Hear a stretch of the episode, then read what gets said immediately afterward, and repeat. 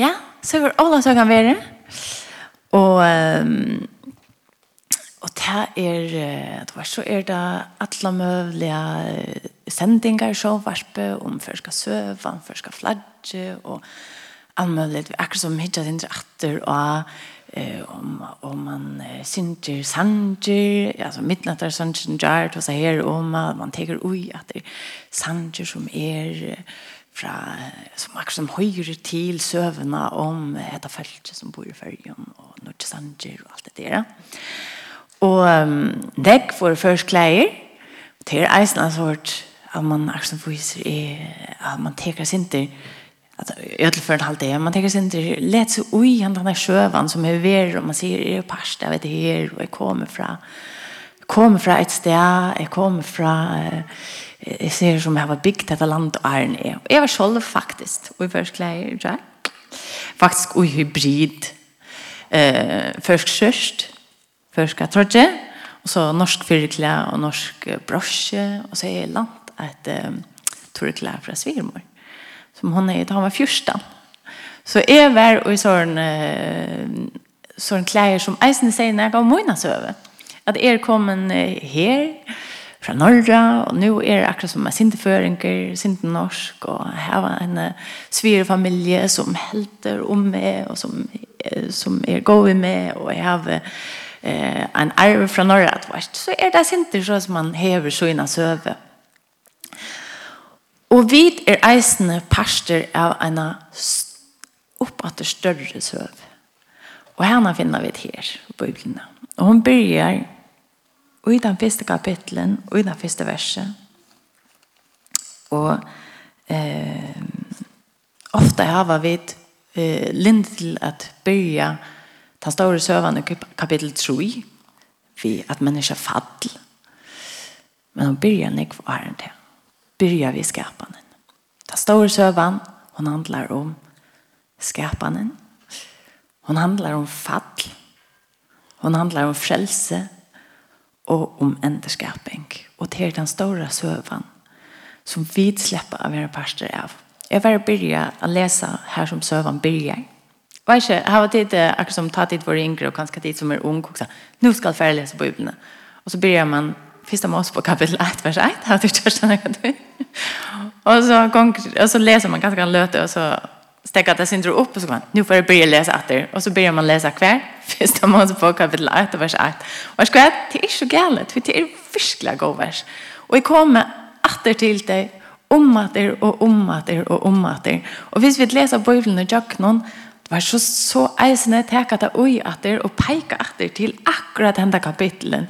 Fyrsta Mos på kapitel 8 og fra vers 8 og ut etter. Hvis vi leser Johannes evangelium, altså nu ehm kommer lika att det och att finna det här till du då det är utan att förskon. Hur han börjar.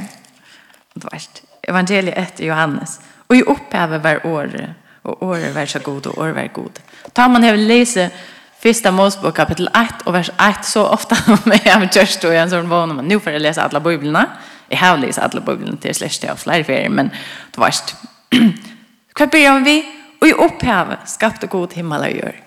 Alla så flex nekva senare i Bibeln så pika det att det till den där början av sövan. Så vi får läsa det samman. Det går gott slå upp det som har både namn det som har telefonen finna fram.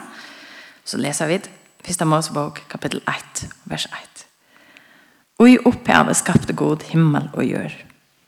Gjørn var øyen og tom, myrsker var i iver djupnån, og andre gods sveima i iver vøttnån. God sier, «Vær Jøs!» Og Jøs vær.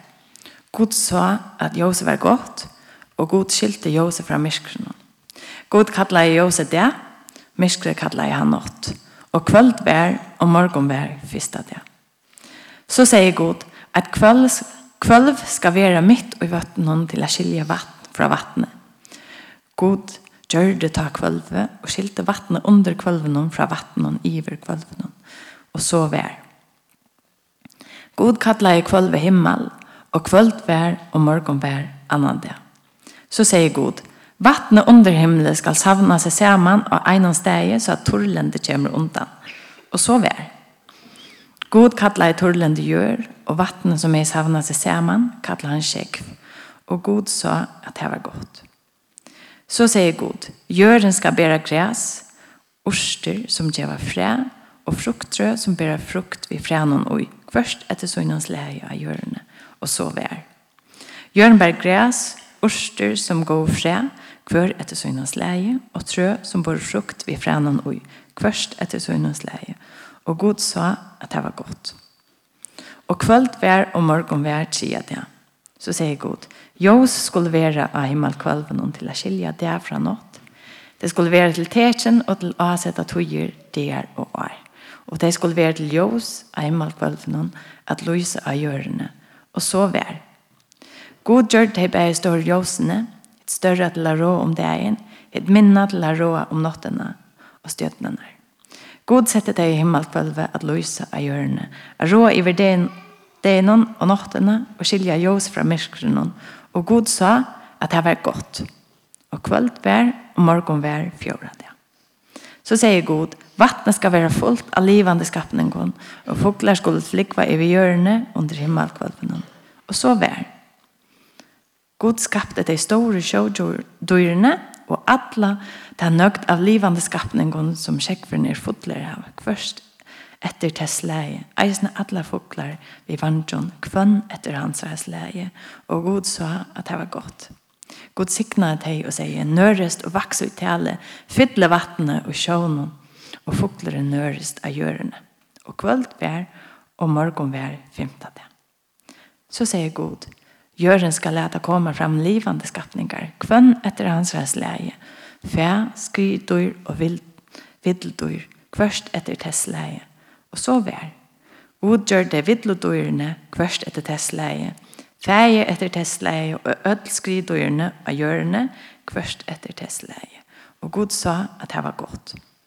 Så sier god, lät okkon hon göra i bojlät okkara, til at vara okkon hon. Hon skal roa iver fisken i sjön og fågeln under himlen, iver fjärnen og iver atlare, görne og ötlån skridoron og görne skria. Så skapte god menneskene, og i bojlät så søgnen, og i bojlät gods skapte han henne som mann og kvinne, kvinna skapte han dig. Og god i dig og god sier vid dig. nørest veks og i tale, fytle hjørne og gjør dere til herrer hennere. Rai i fisken og sjøen, folkene og trimle, og i hver kvørgen døyre og i hjørne rørest.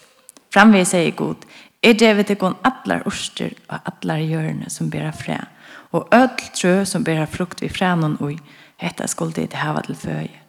Og ötlund og yrnon av hjørne, ötlund foklund under himle, og ötlund ui av hjørne skrøyer, ötlund tøy, Og jeg vil livande sal og især, Taimon djeve er alla grønner urstelføye og så vær. Og god sa alt det og jeg er gjørst, og det var sere godt. Og kvöld vær og morgon vær satt han det. Så leis fullførdes himmelen og jøren og atler herre terra. Kjenda degen fullførde god verste og han er gjørst, og han kvöldte kjenda degen fra ötlom versen og han er gjørst god sikna i kjenda dagen og halga i han. Ty tann dagen kvölda han fra öllum verste søgnon tui i god hei dørst ta i han skapte. Og grunnen til at jeg har odla lese alt av det her det er for å vise til hvordan altså kvosse negv hente og er en vid i røver kom inn i mynden. God skapte alt av det her, så kom vi til endan her. Og, og eisene for å vise av at god, han har en plan, han atler vi og er lov, lengt er en synden kom inn i mynden.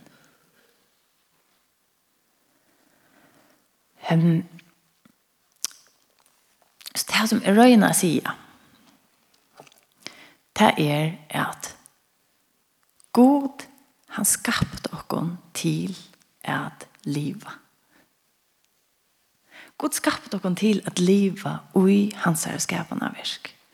Han skapte okkon til at njóta av hans er skapande verk, at liva ui tui, at um, um, Jeg stender å være herrer i hvitt at forvalta det som han har skapt, at arbeida og i orstager som han har skapt at bruka okkara godgivna gaver at virka det skapte han okkom til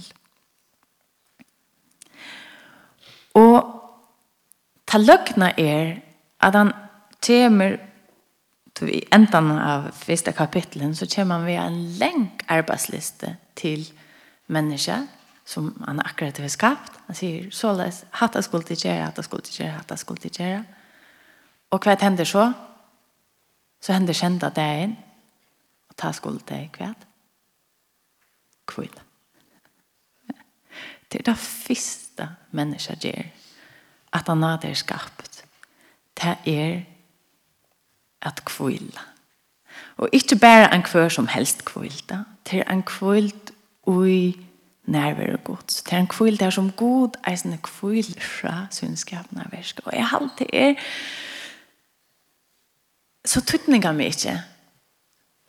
Tøy det viser okkon at ja, god, han er bare masser av atlenar for okkon. Han er bare masser av oppgaver som han gledes om at vi tar fatt i. Men god kommer alltid først. Og det er okkara relasjon vi han som alltid kommer først. Og Og i detta skaparverket så hever han skapt okkon til fyrst og fremst at liva i en relasjon med han. Og eh, jeg har det var Augustin som sier at vi er skapt til at njóta god i allar æver. At njóta god. Og det er... Eh, Det er nek som er, heter ikke ordentlig at talest. Man bare tenker at det er som nekker holengar og nekker som ligger med uh, uh, av hjärsta. Det er nek som jeg hokser om nek vet av sommer, jeg som tog jeg ble konfronteret vi nøkker imesting. Men det er at livet ser man vi god og njóta han.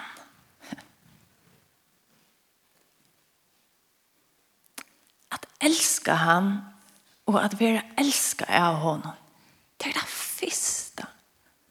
Det er det aller, aller første. God er ikke bare en som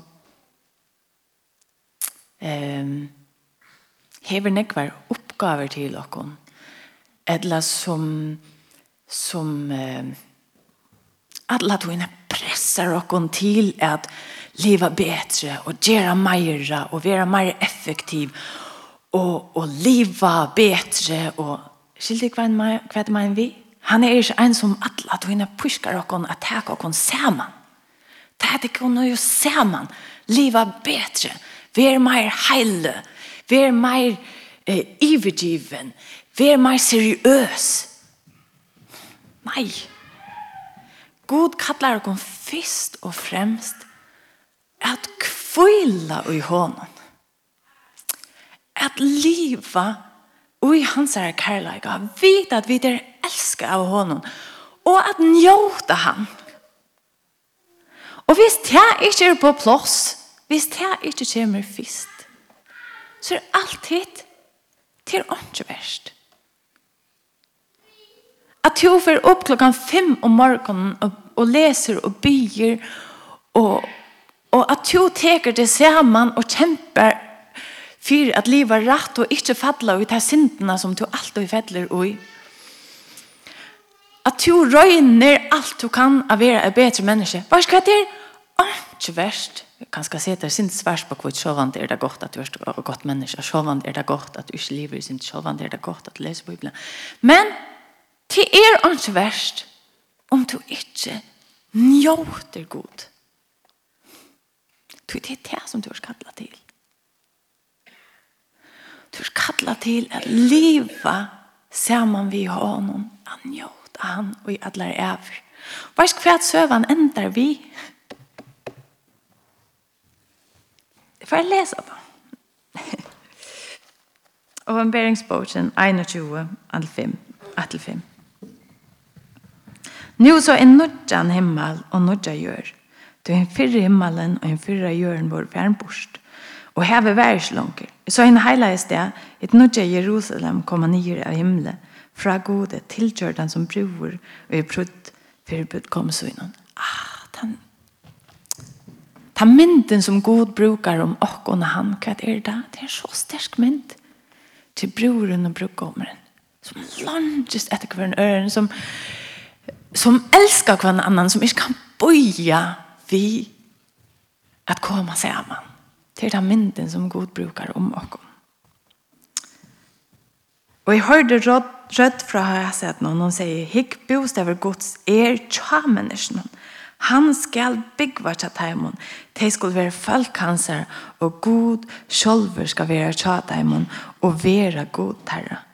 Han skal torska kvørst tar av egen terre. Deien skal ikke være langer, og kvørst sorg, skrut, et la poina skal være langer. Tøyt fyrre er færre. Han som må jo ha sett noen se at sier, hygg, jeg tror alt nøyt. Og han sier vi med, skriva at du hese år er troverd. Og sånn. Så hva er på endre som er i det? det er jeg synder at vi er pastor av disse store søvnene. Og hun er stor. Og hun begynner vi skapene. Og så er det fall som forstyrrer alt det hele. Vi har ødel synda. Vi har ødel trakaskas. Vi har ødel missa hva det er meningen vi løyver. Vi fytler okkar løyver i ødel og møvlen anna enn det som vi var skapt til. Og hva var det?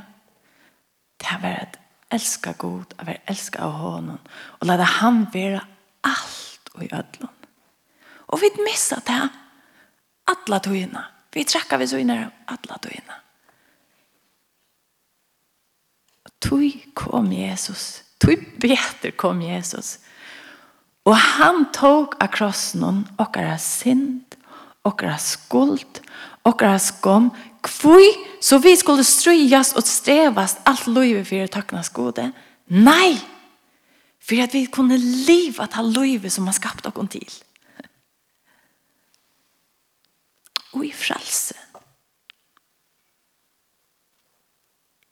Kvila ui hans er kærlega. Kvila ui hans er nøye. Liva ui heilige annans kraft. Vera en sikning her som vi er. Hva sier Gud ved Abraham? Jeg skal gjøre, jeg skal sikne til, og utgjøkken noen til, jeg skal være en sikning til alle mennesker. Og gjør det. totalt feil året men meningen var her til å finne det, og fyre Mosebok et eller annet sted. Og eh, Vi leser et vers fra Jeremias Holtrush, som er, jeg har sikkert lyst det før, men, men jeg ble mynt om det, og, og faktisk eh, gjør det meg ordentlig godt. Jeremias Holtrush og vers 6. Borst fylgje være folk mot. Her er der høyde finne deg allai. Nian og fjøtlen høyde rike deg. De reika og av fjallet og hatt. De glemte kvildersteg sutt. Og skal det halt ofta er det så vi okkon som er tryggvante. Kvært vidt Vi renna fra ein fjallet til hitt og til ein hatt og vujare og kvært gløyma vit. Vi gløyma kvilast av okkara. Vars kvært er halt eisne at vi som standa her oppe og som ofta er eh, som leia ting og forskjellig, vi tar sin skuld og yta. dag tog ett pushka sted. Vi er en båskap som handlar om å täcka seg sammen og leva betre, og lesa mer og bia mer og strevast og täcka seg sammen. Hva er skvært? God han omtalar seg som hyren. Og hva er han gå hyren? Hva leier han gå hyren? Alt. Hva leier han? Er det noen som vet? til kvildarsted, til kvildarvøten, til grøne fløten her. Onken tog så fær vi tjøk noen det er skulle ganske del, for jeg kom her til. Onken tog så er det tjøk noen gråt og tid kjenne hvordan fjødlene er. Men han leier okon alt og til, til kvildar vøten. Og Det er mest ikke at vi skulle bare sitte og gjøre ordentlig. Det er ikke det jeg mener vi. Men det som jeg mener vi, det är tid. God er alt vi gjør. God er åkara fista. Han er åkara eh, fista og största. Så tid som häva en godsmynd er en god som pushkar dig til att täcka dig samman. Mm Dit man får opp han den godsmynden. Les i året og finn en god som er fotler av kærleika, som elskar deg og som leier deg til kvildarbøten. Og jeg skal at tid som har en god som er blivet så perifer at han ikke hører seg av hver til karagerende sted. De kommer her tror jeg at ja, men det er man agerer. Og gjerne steden er bare som man er. Tid må eisen for brøytigere godsmynd. Hva skal Ty god, han er alltid ødlån. Jeg har gått til å lese fra Apostelsøven, vers 16, da uh, Paulus er uh, i Athena og Råpagås, hadde han seg vi menn her, filosofene her og alt det der. Og han sier, uh, fra vers 24 i Apostelsøven, sier han, God som har gjort heimen og alt som hånden er ui. Fyrsta Mosebok, kapitel 8. Det kommer att tro i att det er allt och kvui. Det er åkra søve. Det är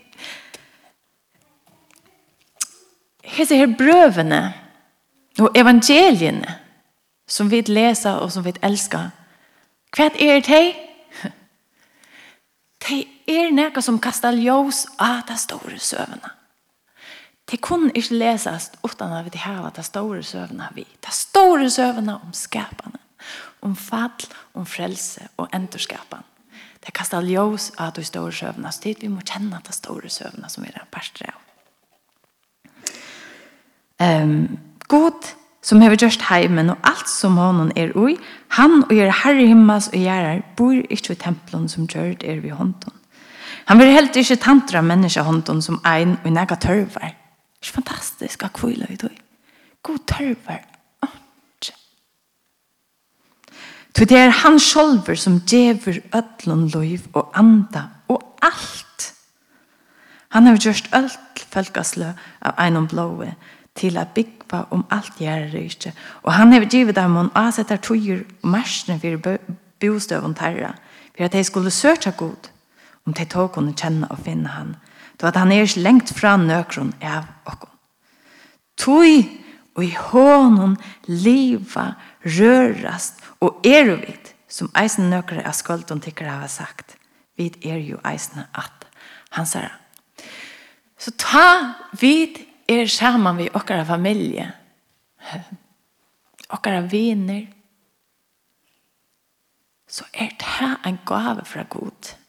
Og Gud er her. Ta vi njót en gave måltøy. Hva er det? Til Guds gaver til okkara. Ta vid sinja sanger. Hva er det? God skapte tonleisen. Ta vid røra okkon om det er at uika utrått, eller at det er at dansa, eller at genga i fjötlene. Hva er det? Vi brukar den kroppen som god er vi skapt okkon vi. Og vi er han og i ötlun det som vi gjør. Tid, god er sånn ek større. Vi kunne uimynda okkon. Og han sier atlanar vi okkon er sånn ek større vi kunne uimynda Og han har vi sett og i hese store søvnene.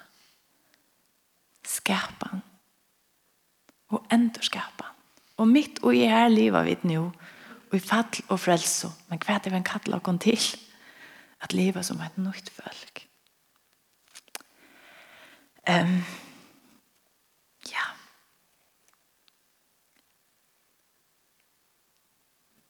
God er en god for alt livet God er en god for alle sesonger. For akkurat løyve. Og han er alltid å finne. Han er ikke lengt bort fra nøkene av oss. Og han elskar ta vid livet. Tog er det tog det vært her han skapte oss til. Ta vid gledast i honom. Ta vid liva i samband med han som skapte oss, som elskar oss. Ta vid liva och i gode relasjoner vid de menneskene som han sett rundt om oss. Og ta vid liva eisen og i ta naturen og skapa den värsta vid som det over som han skapte til okara.